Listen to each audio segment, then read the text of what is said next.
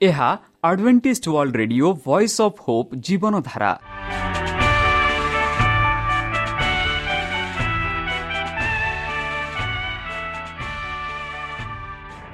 Odia radio କାର୍ଯ୍ୟକ୍ରମ ଯାହା ଆମର ଆନ୍ତର୍ଜାତୀୟ ଆଘାତ କେନ୍ଦ୍ରରୁ ପ୍ରସାରଣ କରାଯାଉଛି ପ୍ରତିଦିନ ରାତି ନଅଟା ତିରିଶ ମିନିଟ୍ରେ। ମୁଁ ସୁବ୍ରତ କୁମାର ପତି ପ୍ରେମର ସହ ଆପଣମାନଙ୍କୁ ଏହି କାର୍ଯ୍ୟକ୍ରମକୁ ସ୍ୱାଗତ କରୁଅଛି। ଚାଲନ୍ତୁ ଆଜିର ତିରିଶ ମିନିଟ୍ର କାର୍ଯ୍ୟକ୍ରମ ବିଷୟରେ ଜାଣିନେବା। ପ୍ରଥମେ ରଖିଛୁ ଆଧ୍ୟାତ୍ମିକ ଭକ୍ତିମୟ ଗୀତ। ଏହାପରେ ଶୁଣିବା ସ୍ୱାସ୍ଥ୍ୟ ବିଷୟରେ ଯାହା ଆମର ଦୈନିକ ଜୀବନରେ ଅତ୍ୟନ୍ତ ଜରୁରୀ। ଆଉ ପରିଶେଷରେ ଶୁଣିବା ପରମେଶ୍ୱରଙ୍କ ଭକ୍ତଙ୍କଠାରୁ ଜୀବନଦାୟକ ଈଶ୍ୱରଙ୍କ ବାକ୍ୟ। ପ୍ରିୟ ଶ୍ରୋତା ତାହେଲେ ଚାଲନ୍ତୁ ଶୁଣିବା ଏକ ଆଧ୍ୟାତ୍ମିକ ଭକ୍ତିମୟ ଗୀତ।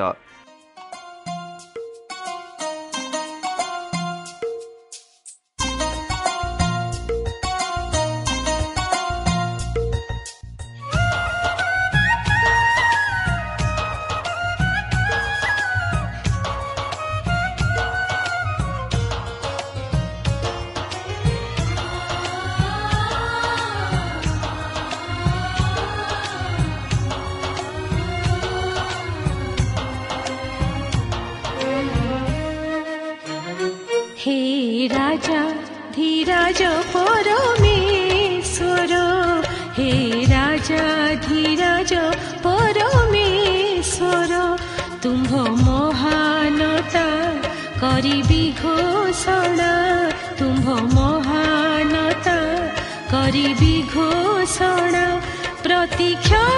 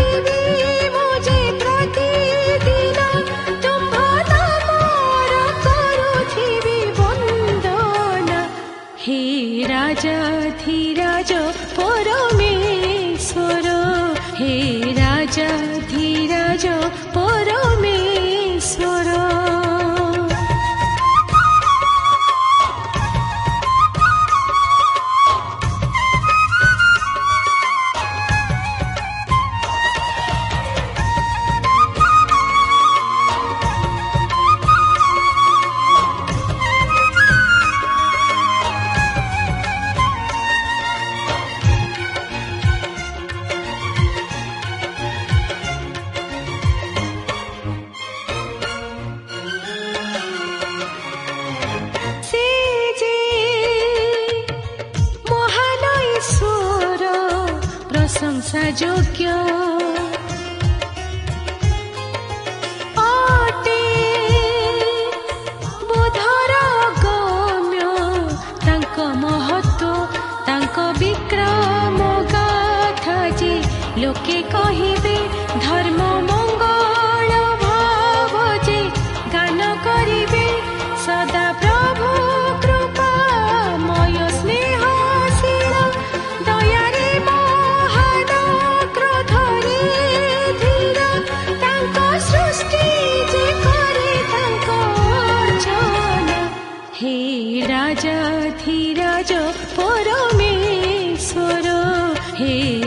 धीराज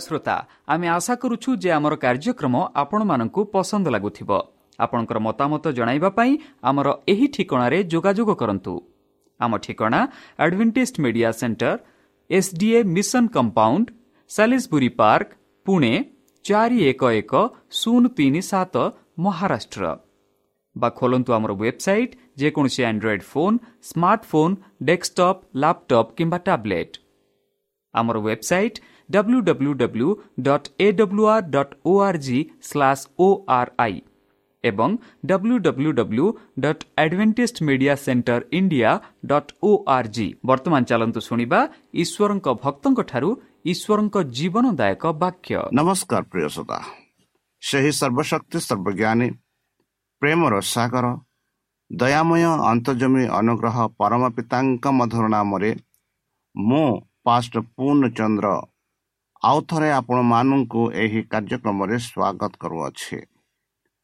ସେହି ସର୍ବଶକ୍ତି ପରମେଶ୍ୱର ଆପଣମାନଙ୍କୁ ଆଶୀର୍ବାଦ କରନ୍ତୁ। ଆପଣଙ୍କୁ ସମସ୍ତ ପ୍ରକାର ଦୁଃଖ କଷ୍ଟ ବାଧା କ୍ଲେଶ ଓ ରୋଗରୁ ଦୂରେଇ ରଖନ୍ତୁ। ଶତ୍ରୁ ଶୈତାନ ହସ୍ତରୁ ସେ ଆପଣଙ୍କୁ ସୁରକ୍ଷାରେ ରଖନ୍ତୁ। ତାହାଙ୍କ ପ୍ରେମ ତାହାଙ୍କ ସ୍ନେହ ତାହାଙ୍କ କୃପା ତାହାଙ୍କ ଅନୁଗ୍ରହ ସଦାସର୍ବଦା ଆପଣଙ୍କଠାରେ ସହବର୍ତ୍ତୀ ରହୁ। ପ୍ରିୟ ଶ୍ରୋତା ଚାଲନ୍ତୁ ଆଜି ଆମ୍ଭେମାନେ କିଛି ସମୟ ପବିତ୍ର ଶାସ୍ତ୍ର ବାଇବଲଠୁ ତାହାଙ୍କ ଜୀବନଦାୟକ ବାକ୍ୟ ଧ୍ୟାନ କରିବା। ଆଜିର ଆଲୋଚନା ହେଉଛି ପବିତ୍ର ବାଇବଲର ସୁରକ୍ଷା ଓ ପ୍ରସ୍ତୁତି। ବନ୍ଧୁ ଯଦି ଆମେ ଦ୍ୱିତୀୟ ବିବରଣ ତାର ଏକତିରିଶ ଚବିଶ ପଢ଼ିବା ସେଠି ଆମେ ଅନନ୍ତର ମଶା ସମାପ୍ତି ପର୍ଯ୍ୟନ୍ତ ଏହି ବ୍ୟବସ୍ଥାର ସଫଳ ବାକ୍ୟ ପୁସ୍ତକରେ ଲେଖି ସାରିଲା ଉତ୍ତାରେ ବନ୍ଧୁ କିପରି ଏହି ଯେଉଁ ପବିତ୍ର ଶାସ୍ତ୍ର ବାଇବଲ ଲେଖାଯାଇଛି ଆଉ କିଏ କିଏ ଲେଖିଲେ ଯାହାକି ଆମେ ଆରମ୍ଭ କରୁଛୁ ମଶାଙ୍କ ଦ୍ୱାରା ଯେପରି ଦ୍ୱିତୀୟ ବିବରଣ ତାହାଙ୍କ ସେଇ ବିଷୟରେ ଏମାନଙ୍କୁ କହୁଅଛେ।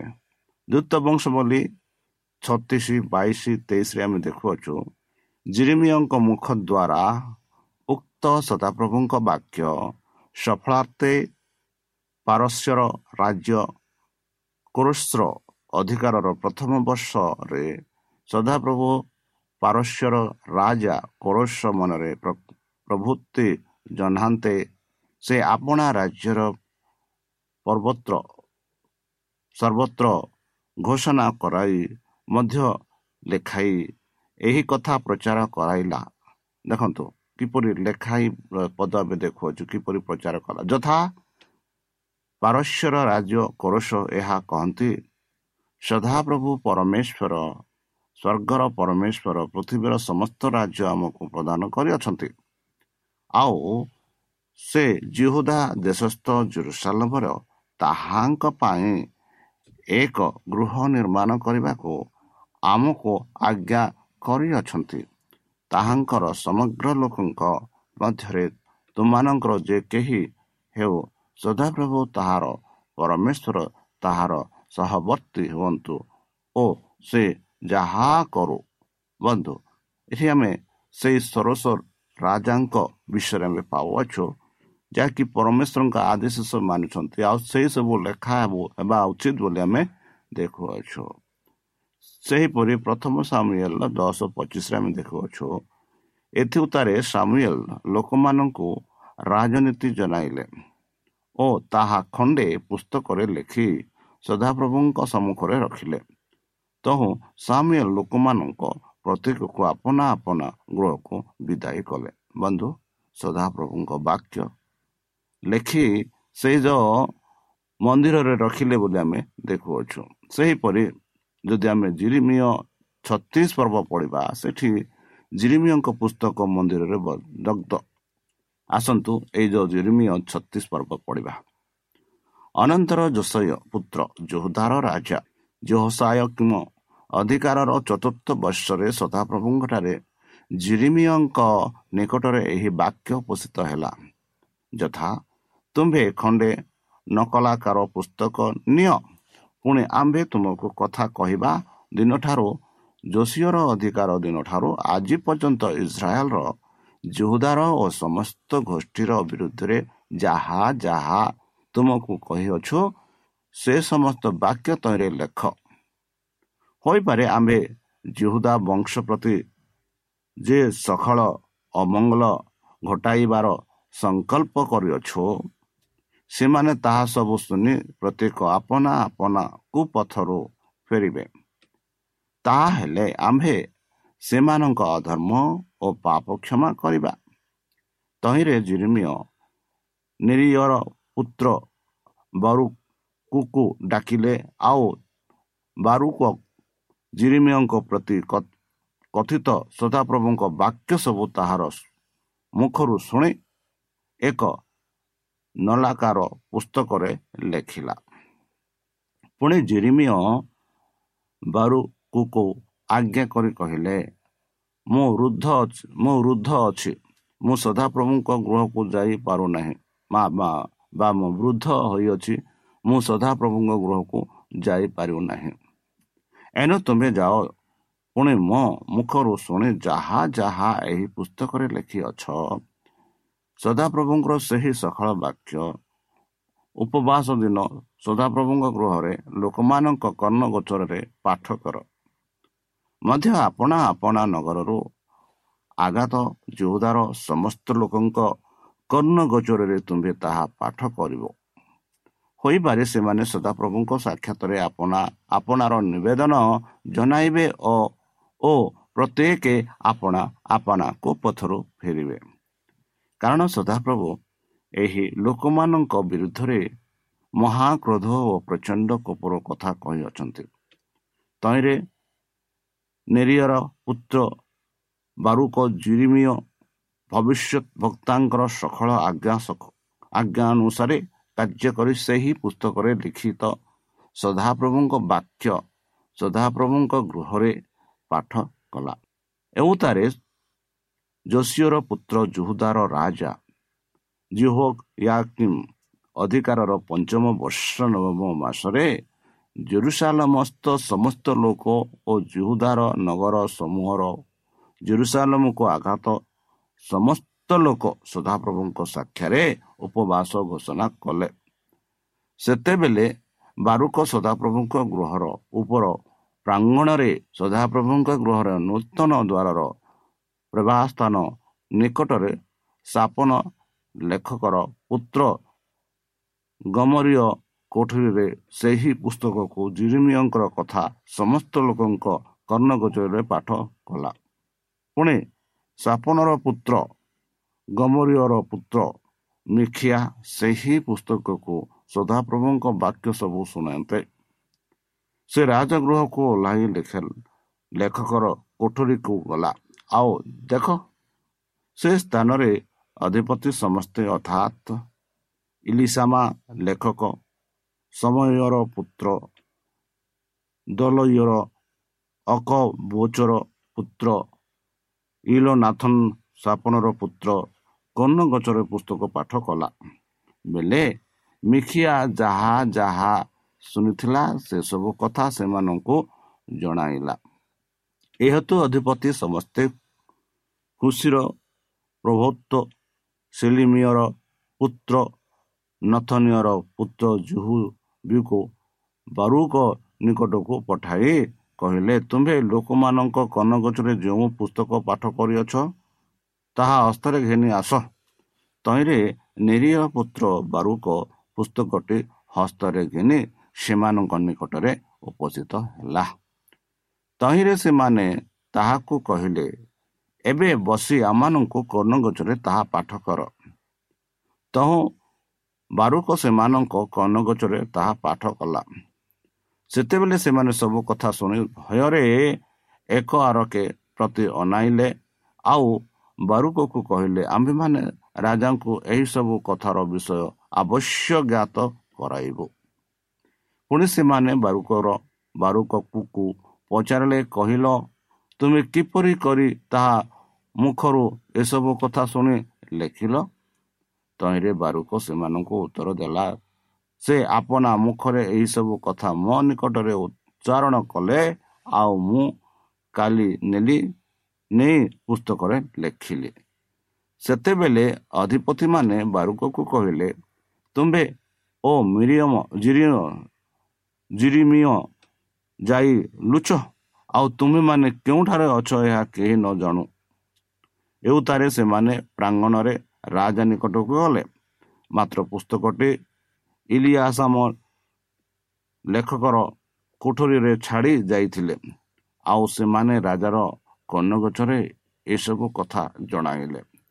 ତହୁଁ ରାଜା ପୁସ୍ତକ ଆଣିବା ପାଇଁ ଜୁହୁଦୀର ଜୁହୁଦୀକୁ ପଠାନ୍ତେ ସେ ଇଲିସାମା ଲେଖର କୋଠରୀରୁ ତାହା ଆଣିଲା। ପୁଣି ଜୁହୁଦୀ ତାହାଙ୍କ ଗର୍ଣ୍ଣଗଛରେ କର୍ଣ୍ଣଗଛରେ ତାହା ଓ ତାଙ୍କ ଛାମୁରେ ଠିଆ ହୋଇଥିବା ସମସ୍ତ ଅଧିପତିଙ୍କ କର୍ଣ୍ଣଗଛରେ ତାହା ପାଠ କଲା। ଏହି ସମୟରେ ଅର୍ଥାତ୍ ନବମ ମାସରେ ରାଜା ଶୀତକାଳ କ୍ଷେପଣର ଗୃହରେ ବସୁଥିଲେ ଓ ତାଙ୍କ ସମ୍ମୁଖରେ ଅଗ୍ନି ପାତ୍ରରେ ଅଗ୍ନି ଜ୍ୱଳୁଥିଲା। ଅନନ୍ତର ଜୁହୁଦୀ ପୁସ୍ତକକୁ ତିନି ଚାରି ପତ୍ର ପାଠ କଲା ଉତ୍ତାରେ ରାଜା କଲମାସ୍ତାରେ ତାହା କାଟି ଅଗ୍ନି ପାତ୍ରରେ ଥିବା ଅଗ୍ନିରେ ତାହା ପକାଇଦେଲେ ତହୁଁ ସେହି ପତ୍ରରେ ଥିବା ଅଗ୍ନିରେ ସମୁଦାୟ ପୁସ୍ତକ ଭସ୍ମୁତ ହେଲା।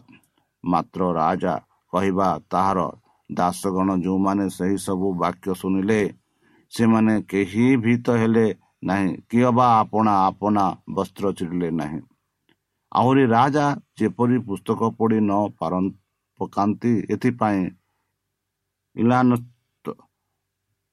ଦରାୟ ଓ ଗମରୀୟ ତାଙ୍କୁ ନିବେଦନ କରିଥିଲେ ମାତ୍ର ସେ ସେମାନଙ୍କ କଥା ଶୁଣିଲେ ନାହିଁ ପୁଣି ରାଜା ବାରୁକ ଲେଖକକୁ ନ ଓ ମିରିୟ ଜିରିମିୟ ଭବିଷ୍ୟତ ବକ୍ତାଙ୍କ ଧରିବା ପାଇଁ ରାଜପୁତ୍ର ଜିରିହ ମେଲଙ୍କୁ ଓ ଅଶ୍ରିୟର ପୁତ୍ର ସରାୟକୁ ଓ ଆଧିୟଲର ପୁତ୍ର ସିଲିୟମକୁ ଆଜ୍ଞା ଦେଲେ। ମାତ୍ର ସଦାପ୍ରଭୁ ସେମାନଙ୍କୁ ଲୁଚାଇ ରଖିଲା। ଜିରିମିୟଙ୍କ ମୁଖରୁ ଶୁଣି ବାରୁକ ଯେ ସଖଳ ବାକ୍ୟ ଲେଖିଥିଲା ସେହି ସମସ୍ତ ପୁସ୍ତକ ରାଜା ଦଗ୍ନ କଲା। ଉତ୍ତରେ ସଦାପ୍ରଭୁ ଏହି ବାକ୍ୟ ଜିରିମିୟଙ୍କ ନିକଟରେ ଉପସ୍ଥିତ ହେଲା। ଯଥା ଯୋଉଦାର ରାଜା ଜେହ କିୟମ୍ୟ ଯେଉଁ ପୁସ୍ତକ ପଢ଼ି ପକାଇ ଅଛନ୍ତି ସେହି ପ୍ରଥମ ପୁସ୍ତକରେ ଲିଖିତ ଆଦ୍ୟ ସଖଳ ବାକ୍ୟ ତୁମେ ଆଉ ଖଣ୍ଡେ ପୁସ୍ତକ ନେଇ ପୁନର୍ବାର ଲେଖ। ପୁଣି ଯୋଉଦାର ରାଜା ଜିଓ ୟା କିମ୍ ବିଷୟରେ ତୁମ୍ଭେ କହିବ ସଦାପ୍ରଭୁ ଏହି କଥା କହନ୍ତି ବାବିଲର ରାଜା ନିଶ୍ଚୟ ଆସିବ ଓ ଏହି ଦେଶ ନଷ୍ଟ ହେବ ଆଉ ତାହାକୁ ମନୁଷ୍ୟ ଓ ପଶୁ ଶୂନ୍ୟ କରିବ। ଏହି ଏପରି କଥା ତୁମେ କାହିଁକି ଲେଖିଅଛ ବନ୍ଧୁ? ଯାହା ଆମେ ଦେଖୁଛୁ ଏହା କହି ତୁମେ ଏହି ପୁସ୍ତକ ଦଗ୍ଧ କରିଅଛ। ଏହେତୁ ଯୋଉଦାର ରାଜା ଜିହୋୟାକିମ୍ ବିଷୟରେ ସଦାପ୍ରଭୁ ଏହି କଥା କହନ୍ତି। ଦାଉଦର ସିଂହାସନରେ ବସିବା ପାଇଁ ତାହାର କେହି ରହିବ ନାହିଁ। ଆଉ ତାହାର ମୃତ୍ୟୁ ଶରୀର ଦିନ ବେଳେ ଖରାରେ ଓ ରାତ୍ରି ବେଳେ କାଳରେ କାକରରେ ପକାଯିବ। ପୁଣି ଆମ୍ଭେ ତାହାଙ୍କୁ ଓ ତାହାଙ୍କର ବଂଶ ଓ ତାହାର ଦାସଗଣକୁ ସେମାନଙ୍କର ଅଧର୍ମ ଉପରେ ଜେରୁସାଲାମ ନିବାସୀମାନଙ୍କ ଉପରେ ଓ ଯୋଉଧାର ଲୋକମାନଙ୍କ ଉପରେ ବାର୍ତ୍ତାଇବା ମାତ୍ର ସେମାନେ ଶୁଣିଲେ ନାହିଁ ତହୁଁ ଜିରିମିୟ ଆଉ ଖଣ୍ଡେ ପୁସ୍ତକ ନେଇ ନେରାୟ ପୁତ୍ର ବାରୁକ ଲେଖକକୁ ଦେଲେ। ଜୁହୁଦାର ରାଜା ଝିଅକିମ ଯେଉଁ ପୁସ୍ତକ ଅଗ୍ନିରେ ଦଗ୍ଧ କରିଥିଲା ତାହା ସମସ୍ତ କଥା ସେ ଜିରିମିୟଙ୍କ ମୁଖରୁ ଶୁଣି ତହିଁରେ ଲେଖିବା ପୁଣି ତାହା ଛଡ଼ା ସେହି ପ୍ରକାର ଆଉ ଅନେକ କଥା ତହିଁରେ ଯୁକ୍ତ କରାଗଲା। ବନ୍ଧୁ କେଡ଼େ ସୁନ୍ଦର ଭାବରେ ଆମେ ପାଉଅଛୁ। କିପରି ଏଇ ଯେଉଁ ପବିତ୍ର ଶାସ୍ତ୍ର ବାଇବଲ ସୁରକ୍ଷା ଓ ପ୍ରସ୍ତୁତି କରାଯାଇଥିଲା ତାହା ବିଷୟରେ ଆମେ ଦେଖୁଅଛୁ ବନ୍ଧୁ ମୋ ସାଙ୍ଗ ପର୍ଯ୍ୟନ୍ତ କୌଣସି ଲିଖିତ ପ୍ରତ୍ୟଦେଶ ନଥିଲା ବନ୍ଧୁ ଈଶ୍ୱରଙ୍କର ବାର୍ତ୍ତା ସବୁକୁ ଦେଖିବାକୁ ମଶା ପ୍ରଥମେ ବ୍ୟକ୍ତି ଥିଲେ ଗୋଟିଏ ପ୍ରେରଣା ଯୁକ୍ତ ପୁସ୍ତକରେ ଈଶ୍ୱରଙ୍କ ପ୍ରେରଣାୟକ ବାର୍ତ୍ତା ସଫଳ ଲେଖା ହୋଇଥିଲା ଏକ ହଜାର ଛଅଶହ ବର୍ଷ ଧରି ବାଇବଲ ଲେଖା ହୋଇଥିଲା ବନ୍ଧୁ। ମଶାଙ୍କଠାରୁ ସୃଷ୍ଟିର ଐତିହାସିକ ଓ ବ୍ୟବସ୍ଥା ଜହନ ପର୍ଯ୍ୟନ୍ତ ସୁସମାଚାର ସର୍ବଶ୍ରେଷ୍ଠ ଆଶ୍ଚର୍ଯ୍ୟଜନକ ସତ୍ୟତାର ଲେଖ। ବନ୍ଧୁ ମଶାଙ୍କ ସମୟରେ ଈଶ୍ୱର କିପରି ଭାବେ ତାହାଙ୍କର ବାର୍ତ୍ତା ସକଳକୁ ସୁରକ୍ଷା କରିଥିଲା ସାମୁଏଲ ତାହାଙ୍କ ଲେଖକ ଗୁଡ଼ିକ ପ୍ରତି କ'ଣ କରିଥିଲା?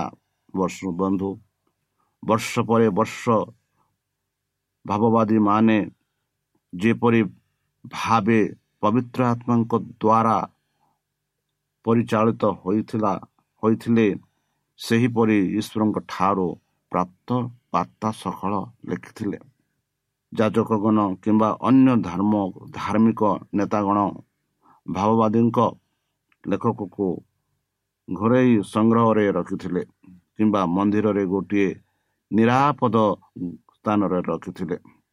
ତତ୍ପରେ ଲେଖା ସବୁ ସଂଗୃହୀତ ହୋଇଥିଲା ଓ ସଂଗଠିତ ସଂଗଠିତ ହୋଇଥିଲା। ଏଜ୍ରା ଓ ନେହିମିଆ ସମୟରେ ଇସ୍ରାଏଲର ବନ୍ଧିର ଓ ପୁନରୁଦ୍ଧାର ପରି ପର୍ଯ୍ୟନ୍ତ ଲେଖା ଗୁଡ଼ିକ ଏକତ୍ର ଗୋଟିଏ ପୁସ୍ତକରେ କରାଯାଇଥିଲା।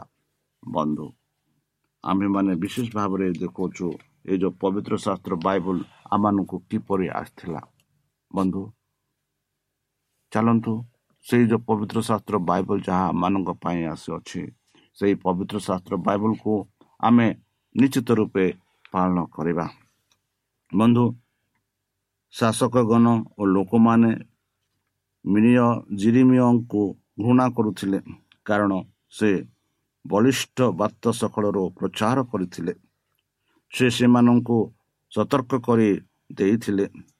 ଯେ ଯଦି ସେମାନେ ଈଶ୍ୱରଙ୍କୁ ସମ୍ମାନ ପ୍ରଦର୍ଶନ ନ କରନ୍ତି ତେବେ ବାଇବେଲନ୍ ସେମାନଙ୍କୁ ବନ୍ଦୀ କରିବ। ଆଉ ସେ ମଧ୍ୟ ସେମାନଙ୍କୁ ସତର୍କ କଲେ କରିଦେଇଥିଲେ ଯେ ମିଶ୍ରୀମାନେ ମିଶ୍ରୀୟମାନଙ୍କ ସହିତ ବଂଶତ୍ୱ ନ କରିବାକୁ କାରଣ ତାହା ବାବିଲନକୁ କ୍ରୋଧ କରାଇବାକୁ କାରଣ ହେବ। ଝିଅ ସ୍ୱୟଂ କିମ ରାଜାଙ୍କ ନିମନ୍ତେ ଈଶ୍ୱର ଗୋଟିଏ ବାର୍ତ୍ତା ଜିରିମିୟଙ୍କ ପ୍ରଦାନ କରିଥିଲେ ଜିରିମିୟ ରାଜାଙ୍କୁ କହିଥିଲେ ଯେ ବାବିଲୋନ ଜୁରୁସାଲମକୁ ଅବବୋଧ ଅବରୋଧ କରିବ ଓ ସେହି ରାଜା ନିଜେ ନିଜକୁ ମୃତ୍ୟୁ ମୁଖରେ ପକାଇବ ବନ୍ଧୁ ଏଇ ଯେଉଁ ପବିତ୍ର ଶାସ୍ତ୍ର ବାଇବଲ ଯାହା ମାନଙ୍କୁ କହୁଅଛି ଯାହା କୁହାହେଇଥିଲା କିପରି ପବିତ୍ର ଶାସ୍ତ୍ର ବାଇବଲ ଲେଖା ହେଇଥିଲା ଆଉ କାହା ଦ୍ୱାରା ଲେଖା ହେଇଥିଲା ଆଉ ପରମେଶ୍ୱର କିପରି ତାଙ୍କ ବାର୍ତ୍ତା ମାନଙ୍କୁ ପଠାଇଛି ତାହା ଆମେ ପବିତ୍ର ଶାସ୍ତ୍ର ବାଇବଲରେ ପାଉଅଛୁ। ତାହେଲେ ପ୍ରିୟ ବନ୍ଧୁ ଚାଲନ୍ତୁ। ଏଇ ଯେଉଁ ପବିତ୍ର ଶାସ୍ତ୍ର ବାଇବଲ ଆମେ ମାନି ତାଙ୍କ ବାକ୍ୟ ଅନୁସାରେ ଆମେ ଚାଲିବା। ତାହେଲେ ଚାଲନ୍ତୁ ନିଜକୁ ସମର୍ପଣ କରି ତାହାଙ୍କ ମଧୁର ନାମେ ଆମେ ପ୍ରାର୍ଥନା ଅର୍ପଣ କରିବା। ହେ ଆମ୍ଭମାନଙ୍କ ସର୍ବଶକ୍ତି ସର୍ବଜ୍ଞାନୀ ପ୍ରେମର ସାଗର ଦୟାମୟ ଅନ୍ତର୍ଜମୀ ଅନୁଗ୍ରହ ପରମ ପିତା ଧନ୍ୟବାଦ ଅର୍ପଣ କରୁଛୁ ପ୍ରଭୁ ବର୍ତ୍ତମାନ ଯେଉଁ ବାକ୍ୟ ତୁମ ଭକ୍ତମାନଙ୍କୁ ଶୁଣେଇଲେ ସେହି ବାକ୍ୟ ଅନୁସାରେ ଏମାନଙ୍କୁ ଚାଲିବା ପାଇଁ ବୁଦ୍ଧିରେ ଜ୍ଞାନରେ ଶକ୍ତିରେ ପରିପୂର୍ଣ୍ଣ କର। ଆମ ପାପ ସବୁ ତୁମ ସେହି ବହୁମୂଲ୍ୟ ରକ୍ତରେ ପରିଷ୍କାର ରୂପେ ଧୋଇ ଦିଅ। ଆଉ ପରିଶେଷ ଯେବେ ତୁମେ ତୁମ ସେହି ସହସ୍ର ଦୂତଙ୍କ ସହ ଆସିବେ ସେତେବେଳେ ଆମମାନଙ୍କୁ ଏକ ବାସ ସ୍ଥାନ ଦିଅ ବୋଲି ତ୍ରାଣକର୍ତ୍ତା ପ୍ରଭୁ ଯୀଶୁଙ୍କ ମଧୁରମୟ ନାମରେ ଏହି ଛୋଟ ବିକ୍ଷମା ଅଛି ଶୁଣି ଗ୍ରହଣ କର। ଆମେନ୍।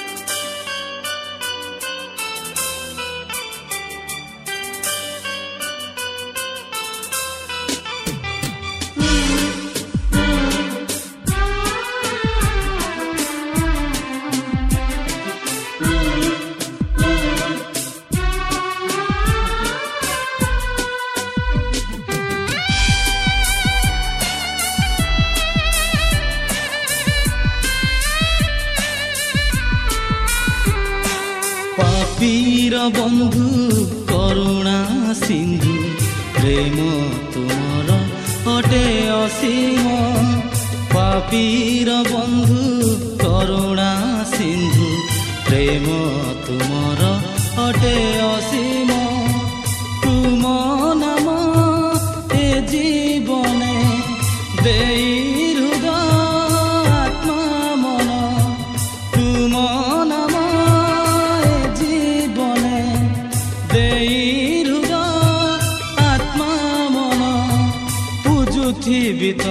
চরণ আহে সত্য সনাতন পাপীর বন্ধু করুণা সিন্ধু প্রেম তুমর অটে অসীম প্রেম তুমর অটে অসীম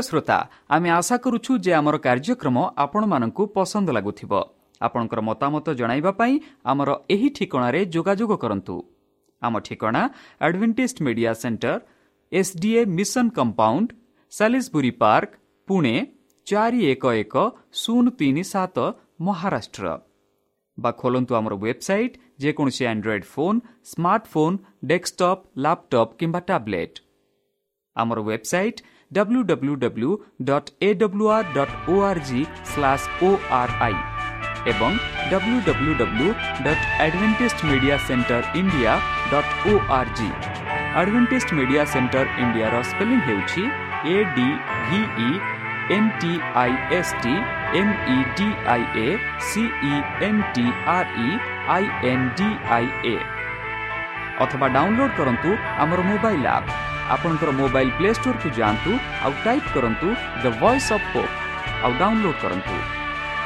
ଈଶ୍ୱର ଆପଣଙ୍କୁ ଆଶୀର୍ବାଦ କରନ୍ତୁ। ଧନ୍ୟବାଦ।